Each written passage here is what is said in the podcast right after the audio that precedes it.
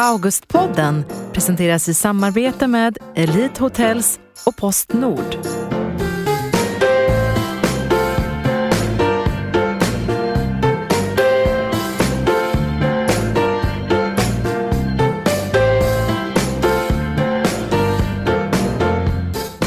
Hej och välkommen till Augustpodden.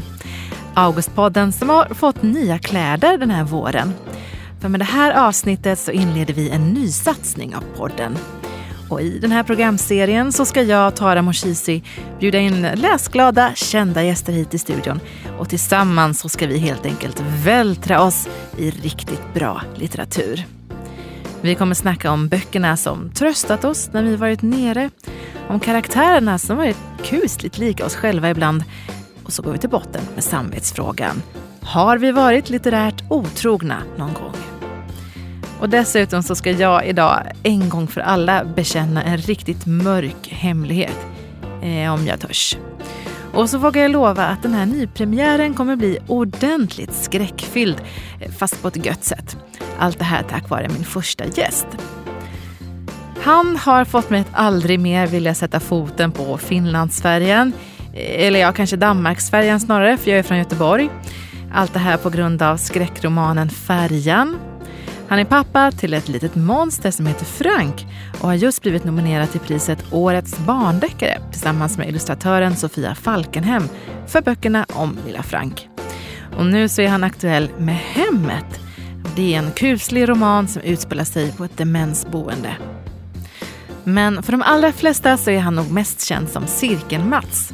För tillsammans med Sara Bergmark Elfgren så ligger han bakom Engelsfors-trilogin som blivit en internationell succé. Välkommen hit Mats Strandberg. Eh, tack så mycket. Tack för det sköna introt. Jag känner mig väldigt eh, framgångsrik. det är du ju också. Jag är så himla glad över att du är. Du är faktiskt premiärgästen Ja, den här podden. det känns eh, superflott. Och eh, ja, men det finns ju inget roligare än att prata om böcker. Så att, eh, det, var ju, det var ju klart att man kom springandes. Härligt. Mm. Och du Mats, jag är oblyg. Jag tänker gå rakt på sak. Okej, okay, kör. Vilket är ditt bästa läsminne?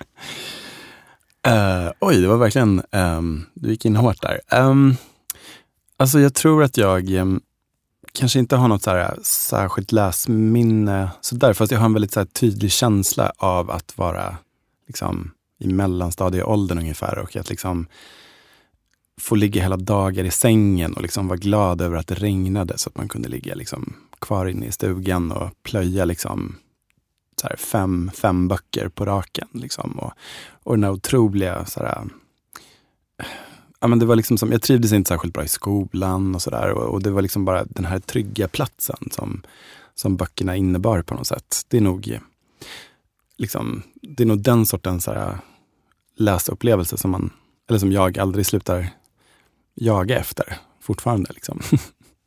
Men hur var det som de här fem böckerna som du var till början? Jag känner igen det förresten, jag läste också fem böckerna när ja, jag var... Jag kommer inte ihåg någonting av dem. Jag kommer bara ihåg uh, George, att jag tyckte George var cool för hon var tjej och ville heta George. Och var mm. väl sådär, ja. Hon var kanske den så här, första androgyna karaktär mm. som jag kom i kontakt med Exakt. överhuvudtaget. Ja men precis. Mm. Exakt. De andra var ganska präktiga, hon var lite cool. Aha. Men jag var också lite rädd för henne. Hon var ju så alltid den som typ vågade hoppa från en klippa när ingen annan vågade göra det. Ja, kanske var så det var. Mm. Men hur var det som de här böckerna kom in i ditt liv? Alltså jag var ju liksom, som sagt, lite, en, lite, lite av en udda fågel när jag var liten helt enkelt. Jag var väldigt lillgammal, jag tyckte bäst om att umgås med tanterna i kvarteret och sådär. Liksom. Um, och kolla på typ Café Solstam med dem. Uh, vad var det för någonting? ett kaféprogram som gick på eftermiddagarna. Du vet, jag är så här gammal, så då fanns det ingen så riktig barn-tv egentligen, förutom typ Lilla Sportspegeln och sånt där. Men, men, um, men det fanns såna här kaféprogram på eftermiddagarna som, ja men det var så här, uh, det känns som att de dansade väldigt mycket. Uh, dansa bugg och ah. sånt där. Och liksom, det var så lite småmysigt och småputtrigt. Och, och sådär. Och så satt man och fika med tanterna.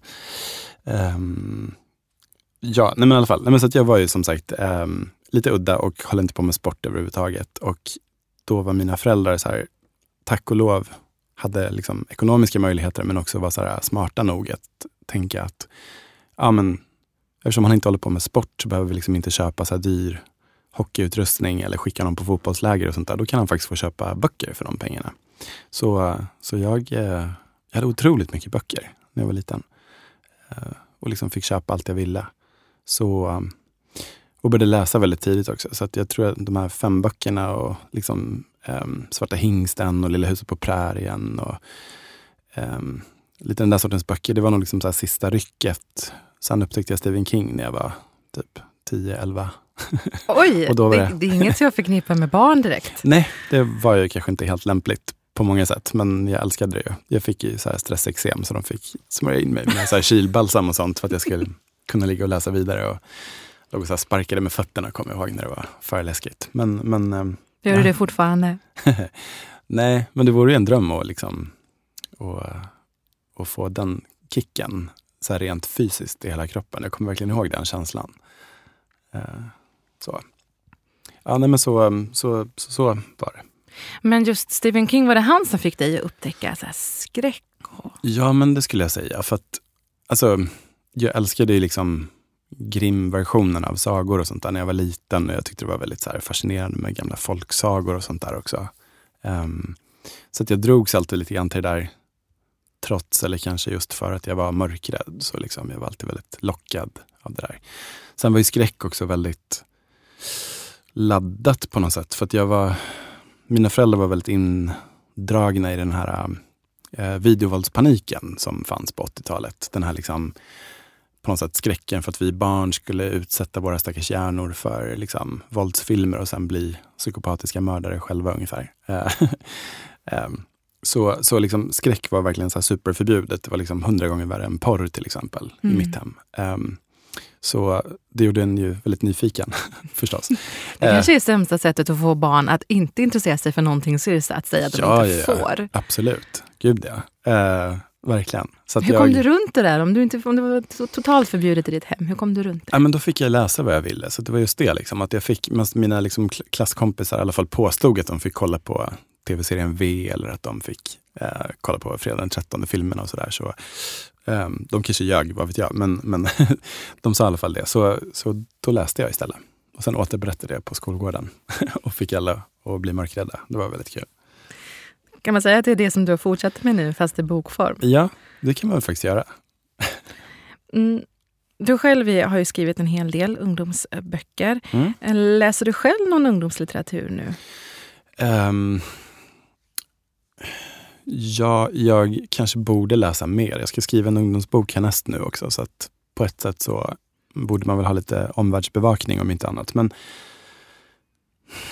jag vet inte. Alltså jag tycker nog snarare kanske om liksom vuxenböcker som handlar om tonåringar. Om du förstår vad jag menar. Typ som Margaret Atwoods Cat's Eye tycker jag är en av mina bästa böcker. Liksom, fantastisk. Vad är det du skildring. gillar med den? Nej, men den är bara så otroligt så bra skildring av hur liksom, jävla elaka barn kan vara mot varandra under uppväxten. På de här små subtila djävulska sätten. Liksom. Den är bara så otroligt, otroligt fin och bra. Liksom. Um, en bok som jag och Sara pratade väldigt mycket om när vi började skriva cirkeln var Curtis Sittenfelds, den här uh, Prep, som heter I en klass för sig på svenska. Som också är en så otroligt bra skildring av, av den här känslan att liksom gå in på den här arenan som är en skola liksom varje dag och liksom ha alla de här stora känslorna med den första stora kärleken och, och liksom de här små maktspelen som hela tiden för sig går och sådär. Um, Ja, nej men så jag tycker väldigt mycket om sådana skildringar, men jag läser ganska lite young adult-böcker. Jag, jag, tycker oftast liksom, de amerikanska känns ofta väldigt så här, cyniska och uträknade. Liksom, och, um, sen finns det absolut svenska. Jag tycker Jenny Jägerfeld och Hanna Tidell till exempel skriver jättefina ungdomsböcker. Och, uh, Maria Turchaninov skriver också fantastisk finlandssvensk författare. Um, och uh, Elisabeth Östnäs Mm, skriver, henne känner jag inte till. Vem är det? Oh, hon skriver jättebra. Hon skriver liksom en... Jag antar att man skulle kunna kalla det för vikingafantasy, men det är liksom framförallt väldigt... Alltså det är liksom inte så bombastiskt som det låter, utan det är väldigt otroligt väl researchat och liksom handlar om en kungadotter helt enkelt. En, um, en, dot, um, en, en tonårstjej som liksom måste axla ansvaret för sin by helt enkelt. Mm. Och Den är väldigt så fin. Den, den lyfter också fram en helt annan del av vikingavärlden än den här macho svärdslamrar-världen. Liksom. Den är, ja, de är super, superfina. Den är precis avslutad nu, trilogin, så att den kan jag varmt, varmt, varmt rekommendera. Eh, men Mats, du berättade nu att, eh, att du började med att läsa fem böckerna, att du sen gick över till Stephen King och läste mm. skräck. Um, var, hur ser din smak ut nu? Alltså, hur har den förändrats genom årens lopp? Jag måste bara säga att jag läste inte bara Stephen King, jag läste också väldigt mycket 80-tals skräpkultur. Jag ser att ni har så Virginia Andrews böcker som ligger där. Mm, titta, Vilket... de ligger här bakom mig, jag har inte mm. sett dem. Alltså, det där var ju liksom livets läsning för mig också. De här barnen som blir instängda på vinden i Blomblad för vinden och Vindsträdgården och det här. Är det något som... Nej, det ringer ingen klocka. Oh, du har verkligen missat något. Men jag tror att det är en väldigt så här, smal så åldersgrupps-slice. Vi liksom... Ja, när jag gick på mellanstadiet så läste alla de där och var helt besatta. För de är helt knasiga. Liksom. Det handlar om ett syskongäng som blir instängda på vinden hos sin mormor och liksom tvingas leva där i flera år och har massa incest med varandra. Och, men usch! Ja, men vi tyckte det var så romantiskt och härligt. Och, eh, jag läste om dem faktiskt ganska nyligen bara för att kolla vad det var som vad det egentligen var för någonting. Och jag hade glömt bort hur sunkig verkligen 80-tals popkultur kan vara. För att jag menar, jag mindes ju till exempel incesten, men, men liksom hela grejen var också att så här, brorsan våldtar sin lilla syster och hon är så här, men förlåt det är mitt fel, du håller ju på att bli man och jag springer runt här i negligéer. Du kan inte hjälpa det. Alltså, allt det där. Mm. Um, men det är, jag tycker att det är, det ganska ofta det är en fara med att gå tillbaka till böcker ja, som man tyckte om när man var yngre och läsa dem igen. För att ofta ja. är det så helt uppfackad moral och så här könsroller som ja, känns som att de är från, från 1600-talet. Ja, ja visst. Alltså, man kanske läst... ska låta de böckerna vila faktiskt. Ibland. Ja, men verkligen. Och liksom mycket sånt där som man... Jag läste om Agnes Cecilia av um, Eh, men gud, nu står helt still. Maria Gripe? Ja, men precis. Självklart. Eh, men för jag tänkte att det kanske kunde vara någonting till min guddotter, för det var också såna här böcker som jag verkligen älskade. Och så lite såhär, åh, just det, de, är fortfarande, de har en fin stämning, men det är samtidigt sånt där som man skulle kanske helst vilja läsa högt för henne och hoppa över vissa partier. Att det, liksom, att det, det är lite tokroligt att förpubertala tjejer tänker på vikt och sitter och bantar. Och, mm. ja, sånt där som inte riktigt funkar nu. Lyckligtvis är det ju så att utvecklingen har gått framåt. Mm, det känns inte alltid så, men det är, det är trots allt så. Men när du växte upp, var bokläsandet var det så identitetsskapande för dig på något vis? Jag tänker om dina klasskompisar höll på med sport och andra sådana saker. Vad, mm. vad betydde läsandet för dig i den som du blev och som du ville vara? Bra fråga. Jag vet att min mamma var ju väldigt sjuk hela mitt liv. Liksom. Eh, jättesvår reumatiker. Så hon brukade liksom älska att berätta om när jag var liten och hade sagt att så här, ah, men det är så kul att ha en sjuk mamma för då kan man ligga och läsa ihop. Liksom. Mm. Um, uh, som sagt, lillgammal kille. Liksom. Uh, jag tror att det var ganska mycket, jag vet inte, identitet. Vad man lägger i det. Men för mig var det just en fristad. Och liksom en, en, jag räknade ju böcker som mina vänner på något sätt. Liksom, och, och liksom just att liksom också ofta drogs till böcker som handlade om outsiderns revansch på något sätt. Som i Mikael Endes Den oändliga historien till exempel, som ju verkligen handlar om, om just eh, ja, men den här mobbade killen Bastian som liksom plötsligt ska rädda en hel värld. Och gör det med hjälp av sin fantasi, att det liksom handlar om fantasins makt. Och jag tror sånt där verkligen stärkte mig. Um, väldigt mycket. Också fick mig upptäcka att, att, um, att skriva. Jag började skriva väldigt tidigt också. Ja, för jag tänker just på det här temat med um, karaktärer som är utstötta. Det är ju någonting som mm. också återkommit i både din, dina ungdomsböcker och dina vuxenromaner. Um, var det där det fröet såddes på något vis i din egen läsning? Um, ja, men det kan nog stämma. Um, det kan det nog göra. Alltså att jag alltid har med några sådana karaktärer, absolut. Jag, eh, sen tycker jag också att liksom, det är svårt att skriva om karaktärer som bara är så här, superglada och har det easy breezy. Happy happy! det blir inte så. I och för sig kan det vara kul att utsätta sig en sån karaktär för jobbiga saker och se vad som händer då. Men, men jag tycker liksom om man ska skapa en så mångfacetterad karaktär som ska ha både bra och dåliga sidor och liksom ha sina smärtpunkter. Och, uh, ja, då måste de ju ha det lite jobbigt. Mm. Helt enkelt, på olika sätt.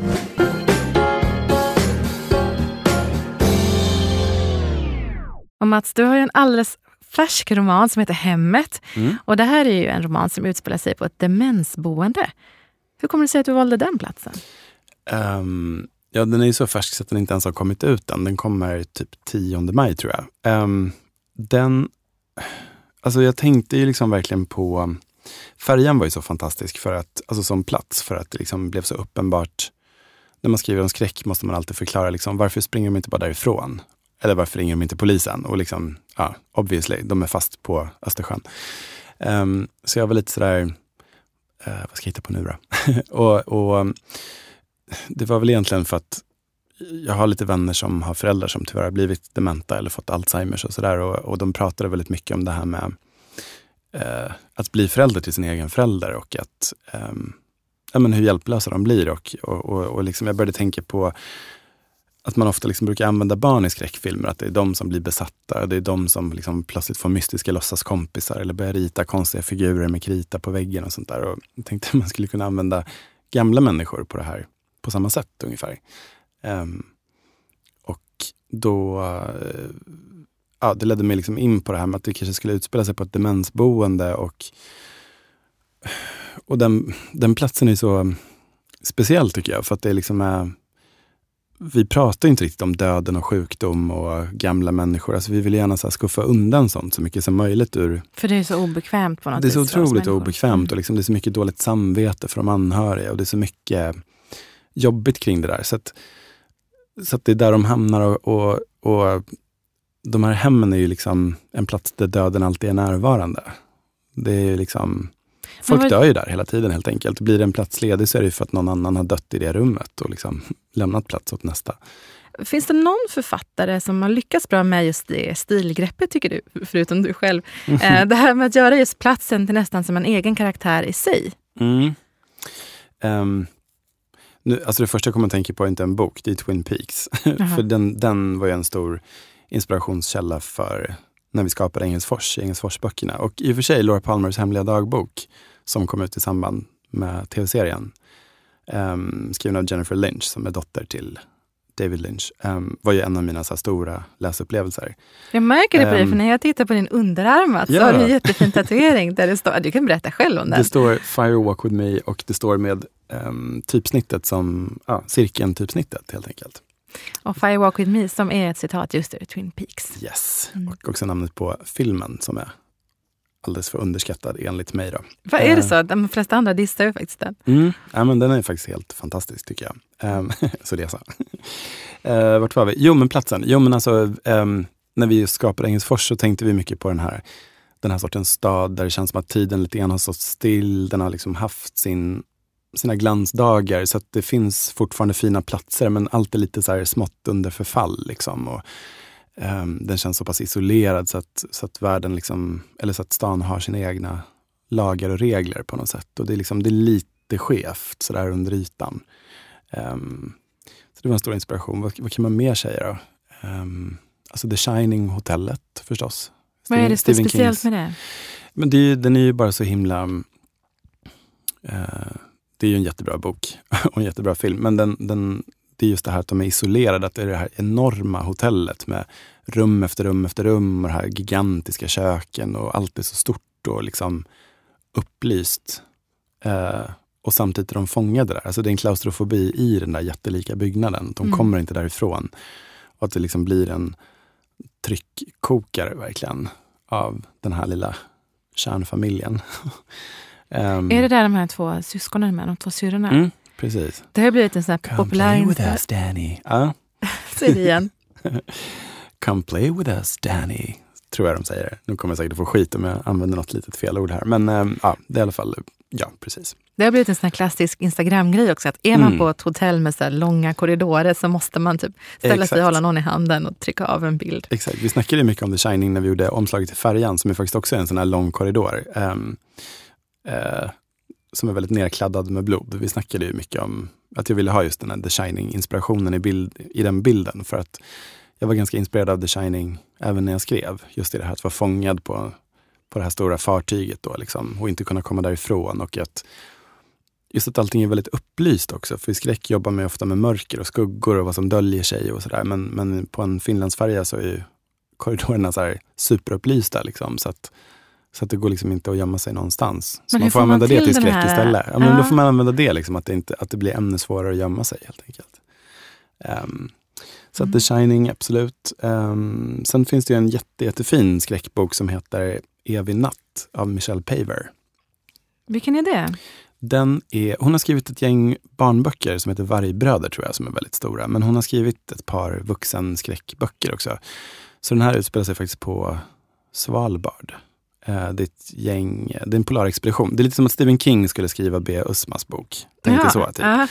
Um, och de, alltså Evig natt kommer då sig av att de är ovanför polcirkeln och att det är mörkt dygnet runt och det är väldigt, väldigt kusligt. De är liksom fast i den här lilla stugan som är liksom deras forskningsexpeditions högkvarter. Typ. Och, okay, jag tycker att det är superläskigt bara där. Ja, men alltså det är så läskigt. Och hon är också så extremt bra på att beskriva själva hur naturen är emot henne. De här eviga, eviga vidderna av liksom snötäckta fält och sen liksom vinden som blåser och att, liksom att ska man gå in i stugan så måste man först liksom, man måste liksom slussa sig in via olika dörrar för annars liksom kommer kylan in och liksom, ja, kommer åt den. så att säga. Den är, den är makalöst Är det några isbjörnar med?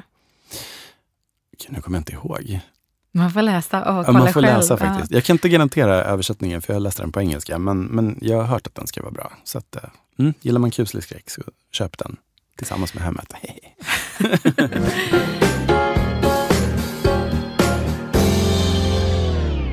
ja, men jag förstår att du verkligen är en bokslukare, Mats. Men hur mm. väljer du vilka böcker du ska läsa idag?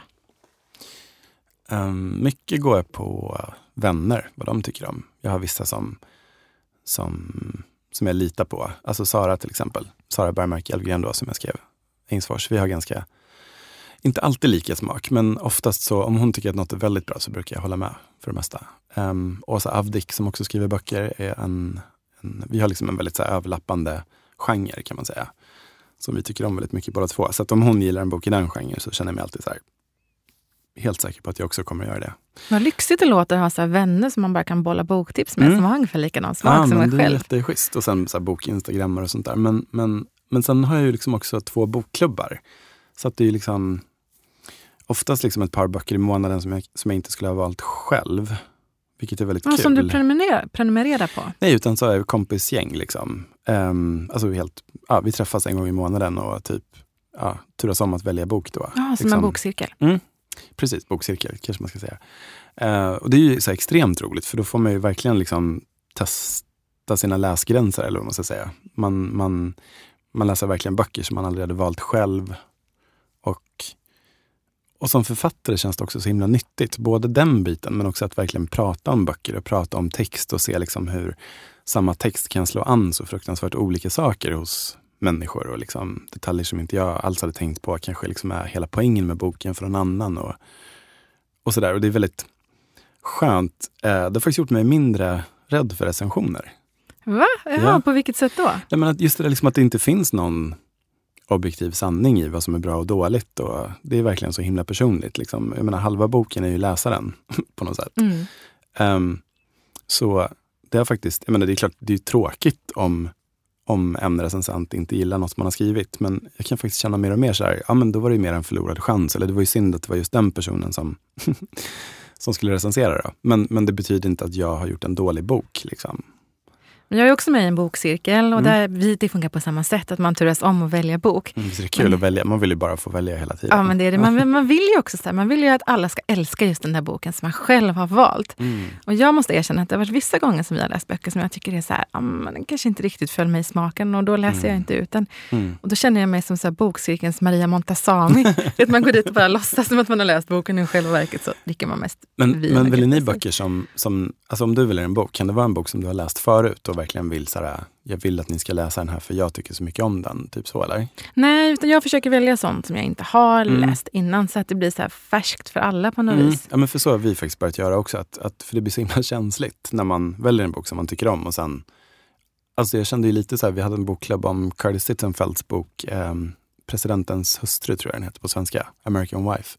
Och jag liksom tyckte lite illa om dem som inte gillade boken. För att det är liksom, den är så viktig för mig. Eller den är så men jag blir nästan sårad när någon så talar illa om en bok som ja, har betytt ja. mycket för mig. Ja, ja. Lägg av! Verkligen. Men um, jag tycker också att så här, ens sinnesstämning spelar ganska stor roll för mm. vad man är sugen på att läsa. Um, du recenserar ju ändå böcker. Jag skulle aldrig kunna göra det eftersom eftersom jag håller med. Det är så mycket humörsfråga på något sätt. Och, och, och också personlig smak. Det, ja, vissa böcker kanske inte är för mig, men bra ändå. Liksom. Jag skulle tycka det var jätte men det, är, det är lite svårt ibland när man kanske inte är på humör för att läsa någon sån här jätte, jättetung bok och så gör jag mm. det i jobbet ändå. Mm. Men det är som att det är liksom ett annat mode när man ska recensera. Mm. Då, man, och då läser man med recensionsögonen, eller jag gör det åtminstone. Mm. Och när jag läser på fritiden då är det, ju liksom, då är det lite mer lattjo mm. eh, Och det är en helt annan typ av läsning som är mer avkopplande. Mm. Det är bra att du kan stänga av i alla fall. Då, för det tror jag inte alla kan kanske. Så är det kanske. Um, använder du böcker som tröst någon gång när du är ledsen? Um, ja, absolut. Alltså, tyvärr så brukar väl jag kanske ha lite svårt att läsa när jag känner mig lite skakig. Sådär. Så det kanske mer tröstar mig med RuPaul's Drag Race och sådana tv-serier. Uh, men, men absolut, alltså, jag menar, vissa böcker har ju verkligen uh, direkt fungerat som tröst. Um, jag tänkte på, när min mamma gick bort till exempel, så det var mest en slump, liksom. men jag läste en barnbok som heter Sju minuter över midnatt av Patrick Ness. Som kom som biofilm för ett tag sedan också. Um, som handlar just om en liten kille som, jag vet inte hur gammal han kan vara, han är nog i mellanstadieåldern tror jag. Um, hans mamma ligger döende i cancer på sjukhuset och han måste flytta hem till sin ganska excentriska mormor. Um, och ett monster börjar uh, ett träd på gården börjar så förvandlas till ett monster om nätterna och kommer fram till hans fönster och tvingar honom... Eller först berättar det här monstret tre sagor. Och när de sagorna är färdigberättade så ska Connor berätta, som barnet då heter det, ska berätta en sanning om någonting. Um, och den är så otroligt fin och rörande och um, verkligen liksom tar barns sorg på allvar. Också alla de här förbjudna känslorna som dyker upp omkring en sjuk person eller en döende person. Um, och den var verkligen um, ja, men den hjälpte mig väldigt mycket. Och jag tror att, liksom att just att det var en barnbok kanske liksom bidrog extra mycket till det eftersom man känner sig ganska liten när ens förälder är sjuk. Liksom. Så, um, men var det medvetet som du valde att läsa den nej, boken det, just då? Nej, det var inte riktigt det. Utan jag hade så ganska dålig koll på vad den egentligen handlade om också. Jag hade hört väldigt mycket bra om den och sen hade liksom, den hade åkt med i någon sån här stor nätbeställning. Liksom. Um, och så tänkte jag, oh shit, jag orkar inte läsa något tungt nu, jag tar den där barnboken. Mm. och så råkade det bara vara så här, precis vad jag behövde. Så det var ju tur. Um, så att, absolut, böcker kan ju definitivt verkligen funka som, som tröst. Um, alltså, för mig är ju skräck tröst också. Det är ju det. Alltså för mig är ju i såna här tider, till exempel när världen bara känns knasigare och knasigare och man går runt och är lite så lågintensivt deprimerad hela mm. tiden, eller i alla fall jag. Um, jag orkar inte med feelgood till exempel, för då blir jag bara jätteirriterad på alla såna här icke-problem. De går runt och ältar och um, jag orkar inte med det. Liksom. Och det är sådana gånger som skräck för mig funkar väldigt bra, för att det, dels är det en sån extremt bra verklighetsflykt, skräck. det går liksom rakt på reptilhjärnan och man liksom transcenderar på något sätt på ett sätt som ingen annan genre liksom riktigt gör med mig. Utan, utan det är liksom det, det är ett otroligt bra sätt för mig i alla fall att så kanalisera en massa såna allmän oro och tankar. Liksom få lite katarsis och liksom få den här ruschen som man kan få av riktigt bra skräck. Um, men är det kanske, är skräck den bästa formen av eskapism? Just för att man slängs till en helt annan värld än den man är i? Mm, ja, men jag, alltså för mig, absolut. Liksom. Det finns ju det finns en sån här filmteori som jag brukar gagga om ibland, som jag tycker är så himla intressant, som kallar, kallar det för kroppsgenrer. Att det är liksom skräck, melodram och porr. Är liksom, det handlar väldigt mycket om fysiska upplevelser och man vill framkalla en fysisk reaktion hos läsaren. Liksom, och framkalla kroppsvätskor, rent krasst. Liksom tårar. På eller, riktigt? Mm. Ja, men och, och liksom, med skräck då förstås, liksom så hjärtklappning och, och liksom den här ja, men lite som jag låg och sparkade med fötterna när jag läste mm. Stephen King som liten. Um, jag tycker det ligger mycket i det där, för att det är någonting så otroligt direkt. Liksom, att det inte bara är det här liksom, intellektuella och lite avståndstagande, utan man måste verkligen, när man skriver skräck också, måste man ju verkligen försätta läsaren i eh, karaktärernas tillstånd på något sätt och beskriva väldigt mycket så här, vad de upplever och vad de ser, vad de känner, vad, hur det smakar, liksom, hur rummet luktar, alltså allt sånt där för att liksom, kunna dra med läsaren. Men det, kräv, det kräver ju också av läsaren att man är en person som kan leva sig in i någon annans känslor mm. och att man kan så här, Precis. i sin hjärna förflytta sig till en annan plats. Exakt. Tror du att man blir en bättre läsare om man är en mer empatisk person? Jag tror man blir mer empatisk av att läsa i alla fall. Tror jag. Eh, jag tycker att det är en väldigt bra övning i empati.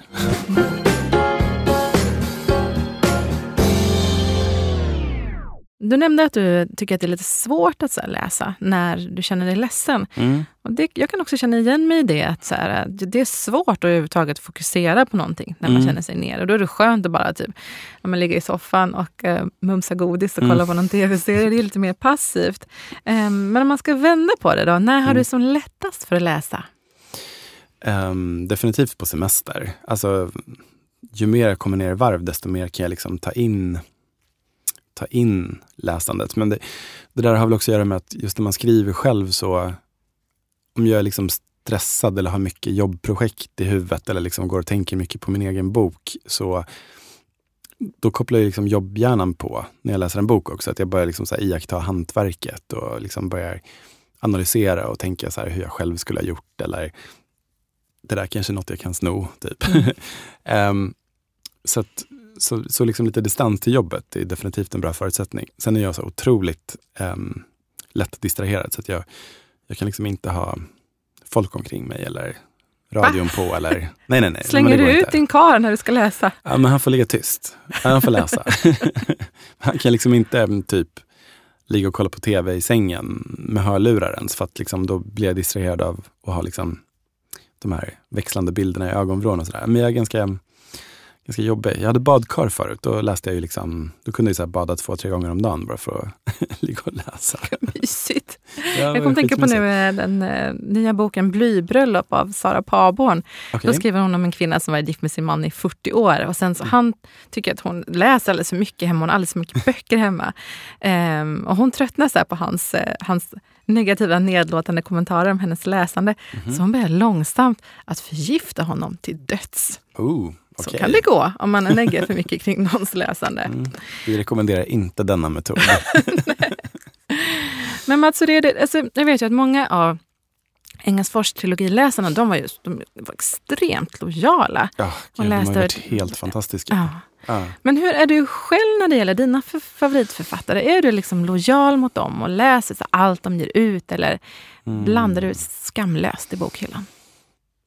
Ja, men jag är nog ganska lojal, i alla fall om jag har en sån här riktig, eh, liksom, om jag verkligen känner att den här författaren tilltalar mig. Men det är ganska få. Det är liksom Megan Abbott, eh, Elizabeth Hand, eh, Chuck Palahniuk som skrev Fight Club. Ehm, de är väl i alla fall de första jag kommer att tänka på som jag känner så för. Ehm, men annars så, nej men det är ganska svårt ofta när man ska prata om så favoritförfattare, för jag tycker liksom att ehm, en författare ska ju få göra misstag liksom och testa sig fram och kan ju inte alltid vara på topp. Liksom. Ehm, så det är ofta ganska svårt att säga en favoritförfattare till exempel, för då blir det ju som att man säger att alla böcker är jättebra. Men, Mm. ja. Och sen tycker jag att det är så olika vilken period, period man är i i livet, vilken bok som funkar just då. Mm. Men Joyce Carol Oates, hon har väl skrivit ett 80-tal Mm. böcker och vissa av dem har jag inte alls kunnat ta till mig. Och sen kanske jag lyckas göra det lite senare i livet. Ja men exakt. Men hon är väl eller- verkligen så här typexempel på just det jag försökte komma fram till. Att liksom så här, många av hennes böcker är ju liksom bland mina största läsupplevelser. Blond till exempel. Men jag skulle liksom inte kunna kalla henne för en favoritförfattare eftersom hon har en sån enorm produktion och jag tycker att mycket liksom inte är något för mig i alla fall. så, Nu när vi ändå snackar om att vara trogen. ehm, Mm. Alltså det kan ju faktiskt hända ibland att man blir så oerhört förtjust i en romanfigur. Att man blir ja, nästan lite kär faktiskt. mm. Har du blivit det någon gång? Ehm, kanske mer så här kompiskär faktiskt. Att jag liksom blir lite sådär, att jag verkligen skulle vilja hänga med den här personen. Liksom. Vad tänker du på då? Ehm, ja, men till exempel Cass Neary som är huvudperson i Elizabeth Hands deckare. Ehm, Generation Lost heter den första på svenska eh, också. Eh, hon, hon är liksom så fruktansvärt cool och trasig och intressant och ehm, liksom vill inte riktigt kännas vid hur gott hjärta hon faktiskt har. Um, otroligt här, fascinerande karaktär och väldigt um, um, sällan man ser en kvinna som får vara den sortens karaktär också. så att henne kan jag verkligen bli så här, att det liksom nästan känns som att vi är kompisar.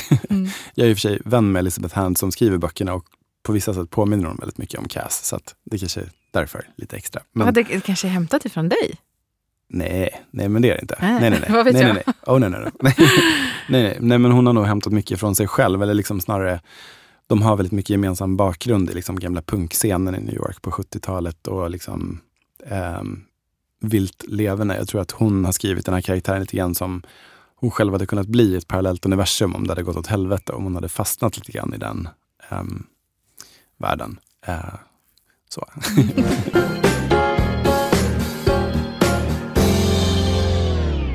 Mats, nu tänkte jag att så nu är det dags, nu ska jag faktiskt bekänna min stora mörka hemlighet. Okej, jag vet inte, kommer jag rodna nu? Eller? Ja, nej, nej, det är inget snuskigt. det är bara någonting lite pinigt som jag har suttit inne på nu i några år, men nu känner jag att nu måste det komma ut. Det har okay. tyngt mig allt för länge. Eh, nej, men jag började på P3 som programledare för typ sju år sedan. Mm. Och då var det så, men jag flyttade från Malmö till Stockholm. Kom till P3-redaktionen, tyckte alla var så här svincoola. Mm. Men alla hade så här häftiga Ann-Sofie Back-kläder. De hängde på coola klubbar på Södermalm. Mm. Eh, de kollade på tv-serier som jag aldrig hade hört talas om. Och då minns jag så här, på första mötet när jag satt där och var nervös med min nya redaktion. Då var det någon som frågade mig i förbifarten. Ja ah, men uh, Tara, uh, har du läst Knausgård eller? Då jag bara, hade jag inte. Men jag bara, ja ja, Knausgård, honom har man ju läst ganska så mycket av faktiskt. honom har man ju full koll på. Ja herregud vad han uh, skriver mycket om sin uh, pappa. Uh, Mats, jag hade aldrig läst Knausgård. Mm. Jag bara du... sa det för att impa, för att verka cool, för att vara en i gänget. Och du blev aldrig avslöjad uppenbarligen eftersom du erkänner det här först nu då, eller? Nej, jag blev inte Nej. det. Men det var också som att varje gång man pratade om Knausgård, för tydligen så läste alla andra i redaktionen honom. Mm. Han skrev ju skitlånga böcker, vem har tid att läsa ut dem? Verkligen, plus att det var ju då som bloggar var så himla stort. Jag kände lite så här, men låter ju lite som en så här kulturtantsblogg i princip. Jag var helt anti hela Knausgård, jag har inte heller läst Knausgård. Han är säkert underbar. Men ja, ja, jag kan erkänna att inte jag ja. gjort det. Mm. Men har du någon gång, i likhet med mig, för att imponera på andra eller bara så här, uh, vara en i gänget, ljugit om att du har läst en bok fast du inte har det? Uh, ja, det har jag gjort. Uh, nu rånar du lite i alla fall. ja, men faktiskt. Jag, um, nej men det har jag gjort. Jag, jag har låtsats läsa kollegors böcker som jag inte har läst. Eller som jag har börjat läsa och känt att nej, men det här är verkligen inte något för mig. aj, aj, aj. Ja, Vad säger du liksom... då om de frågar dig så här, Mats har du läst min senaste roman, vad tyckte du om den? Alltså, vissa författare tycker jag liksom är som jag tycker, att, som jag tycker att det ska vara. Alltså, vi hinner inte läsa alla böcker. Alltså, man känner ju så många författare, det är så pass liten värld så det går liksom inte att, att läsa allas. Men, men vissa känner jag att jag faktiskt borde ha läst och då um, ja, men då får man bara liksom så här fejka och be en bön att det ska hålla. Liksom. Uh, helt enkelt. Jag tror att du är övertygande. Det känns så. um, jag kan tänka mig att du träffar en hel del författare när du är ute och talar om dina böcker ute på mässor runt om i världen. Mm. Finns det någon författare som har gjort dig sådär helt ordentligt starstruck? Uh, alltså Elizabeth Hand var ju en sån innan vi, nu, nu är vi vänner liksom, men i början så var jag så här, alltså, satt och nöp mig själv och bara oh, I can't believe it's Liz Hand. Um, ehm, men hon är så väldigt jag kan fortfarande bli så starstruck av henne på ett sätt. Inte för att hon är en star, men bara för att hon det kan slå mig att så här, oh, hon är precis den här sortens författare som jag drömde om att författare skulle vara innan jag själv blev en författare. Alltså hon älskar att läsa böcker, hon älskar att skriva, hon älskar att prata om böcker. Um, när man är hemma hos henne i Maine så är det liksom hela hennes liksom, hus Vänta är fullt lite. Har du varit hemma hos henne i Maine? Mm. Mm. I USA? Mm. du måste berätta om det. Uh, nej men hon, det är liksom inte um, så mycket, hon är bara så otroligt generös och inbjudande människa. Så att när vi ändå var i krokarna så sov vi över där några nätter och träffade hennes sköna familj och sådär. Um, och, och, det är ju coolt. Och sen liksom sitter man och käkar middag och så ringer Neil Gaiman och så sitter de och snackar en stund bredvid. Och då um, höll på att sprängas lite. Men shit, okej. det var ganska coolt. Det ser ut som att du blir lite starstruck Ja, by proxy faktiskt, nu. vadå? Man är hemma hos en ascool författare och så ringer en annan svincool författare, Neil Ja. Gaiman. Hallå? Vem hade inte blivit starstruck av det? Eh, men sen, annars så tror jag faktiskt att det var när jag fick träffa um, eh, Bob Engels som har skrivit manuset till just Firewalk with me. Em, vi, de, han var här på någon Twin Peaks-festival och jag em, eh, lyckades på något sätt ja, hamna på en lunch med honom och eh, satt och fanboyade och var ganska pinsam. Men han var väldigt trevlig och rolig och tyckte, tyckte väldigt mycket om att prata om Twin Peaks. Så här, fast det var liksom ja, 20 år senare vid det laget. Em, så det var ju en dröm. Liksom. Men vad härligt. Annars kan man tänka sig att, man, att han skulle vara rätt mätt på att Ja, snacka om verkligen. sådär Ja, men Agent verkligen. Cooper. Men han var väldigt, ehm, han var väldigt liksom stolt, kände man, över, över det de skapade. Han skrev en massa avsnitt till serien också. Liksom, och, um, ja, men det, det kändes som att han var väldigt så här, um, det kan ju alltid vara jobbigt med folk som, som kanske har haft en stor grej och sen liksom inte riktigt vill medge att, att det är det som folk förknippar dem med, utan ska vara liksom så här, men jag har minsann gjort det här och det här också. Um, han, han var mer så här, bara, ah, men det var en once in a lifetime grej och det var fantastiskt och eh, ja, hade massa roliga, bra minnen. Men jag tänker på, en gång så intervjuade jag Lisa Ekdahl Mm. eh, och då skulle hon uppträda. Och jag var så här, ska jag fråga henne om hon ska köra Vem vet? Eller är det så här aspinsamt att komma och snacka om den gamla låten? Mm. Men så frågade jag henne och då sa hon så här, jag är så glad att du frågar. Därför att jag älskar den låten. Mm. Det, är liksom mitt, eh, det är mitt smycke, det är mitt S-rockar. men jag kan alltid ta fram den. Ja. Och det var så skönt att hon verkligen så här stod för det och inte sa att liksom, jag är så himla trött på den. Ja, jag tycker det är Ah, inte så ja. kul att spela den på scenen längre. Nej, Hon, nej men eh, man, ehm, jag, jag har ju en karaktär i Färjan som heter Dan Appelgren som är en sån här gammal Melodifestivalen-stjärna inom citationstecken. En sån här artist som har liksom haft en hit för 20 år sedan och fortfarande liksom måste leva på den här hitten. Och, ja, nu, nu leder han liksom karaokekvällarna ombord och hatar sitt liv. Och, Gud, varför tänker jag på Rickard Herrey när du pratar om honom? Jag vet inte alls jag vet varför. inte, det finns fler som har sagt det och Joe Labero. Alltså jag tänker ju att Dan Appelgren är väldigt snygg. Mhm. Så tänker jag. Mm. Jag tänker mig lite mer som Martin Stenmark-typen fast ja, lite, lite, liksom, lite äldre och lite slitnare. Mm. Ehm, jag tror Martin Stenmark är jättesnäll, så det var inte så. Men utseendemässigt tänker jag mig honom. Ehm, men, men det jag skulle säga var att liksom just när jag skrev Dan Appelgren så liksom eh, använde jag ganska mycket så här, av min egen, så här, jag hade så mycket prestationsångest hur jag skulle följa upp, liksom, skriva min första egna bok efter hela Engelsfors-grejen och sådär. Jag liksom kunde kanalisera min ångest över att bli en sån här föredetting som satt där så här 20 år senare och bara, wow, wow. Eh, det var ju minsann jag som skrev cirkeln. Du vet, så här, springa fram till 30-åringar och bara, läste ni cirkeln när ni var tonåringar? För det var jag som skrev den. Ehm, men men det var ganska bra sätt att bearbeta just det där. Att jag kände så här, nej men om jag floppar med allting från och med nu så då får det väl vara så. Shit, vilken grej att ha fått vara med om ändå. Hela det här cirkeln-äventyret. Det är ju liksom, det är ju, man får hålla det i minnet helt enkelt. Nu gick det bra ändå, men ja, du fattar. Och nu ska du faktiskt få lov att... Eh, jag tänkte be dig om en tjänst, Mats. Mhm. Du ska nämligen få skicka din favoritbok till nästa gäst här i podden. Mm. Och så ska du få lov att skriva en hälsning till den personen. Okej. Helt enkelt vem, vem blir inte jätteglad av att få en mysig bokpresent i brevlådan? Jag undrar vilken bok du har valt. Ehm, och jag är första gästen så jag kommer inte få någon bok i brevlådan, visst är det så? Så är det faktiskt. Det Enda negativa med att vara premiär, premiärgästen. Um, Okej, men då, ehm, då skulle jag faktiskt välja just Sara som jag skrev uh, Engelsfors med. Eh, Sara och eh, Carl Jonssons serieroman Vej. Som är liksom vikingafantasy på det extremt så här, svulstiga och storartade sättet. Och, eh, det är lite grann som att, det är lite grann som att se en så här hederlig gammal matinéfilm. Fast utan sunkiga könsroller.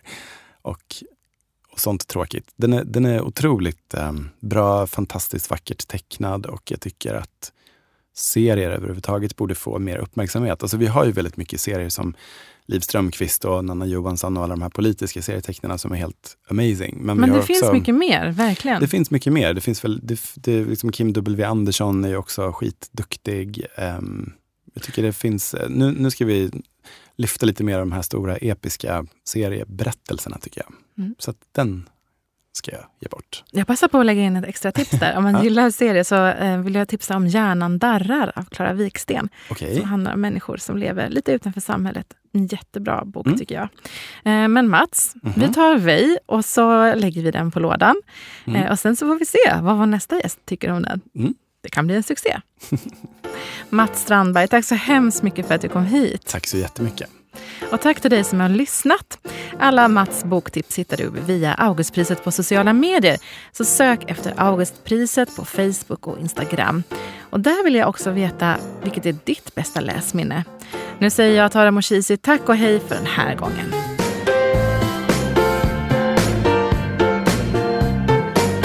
Augustpodden presenteras i samarbete med Elite Hotels och Postnord.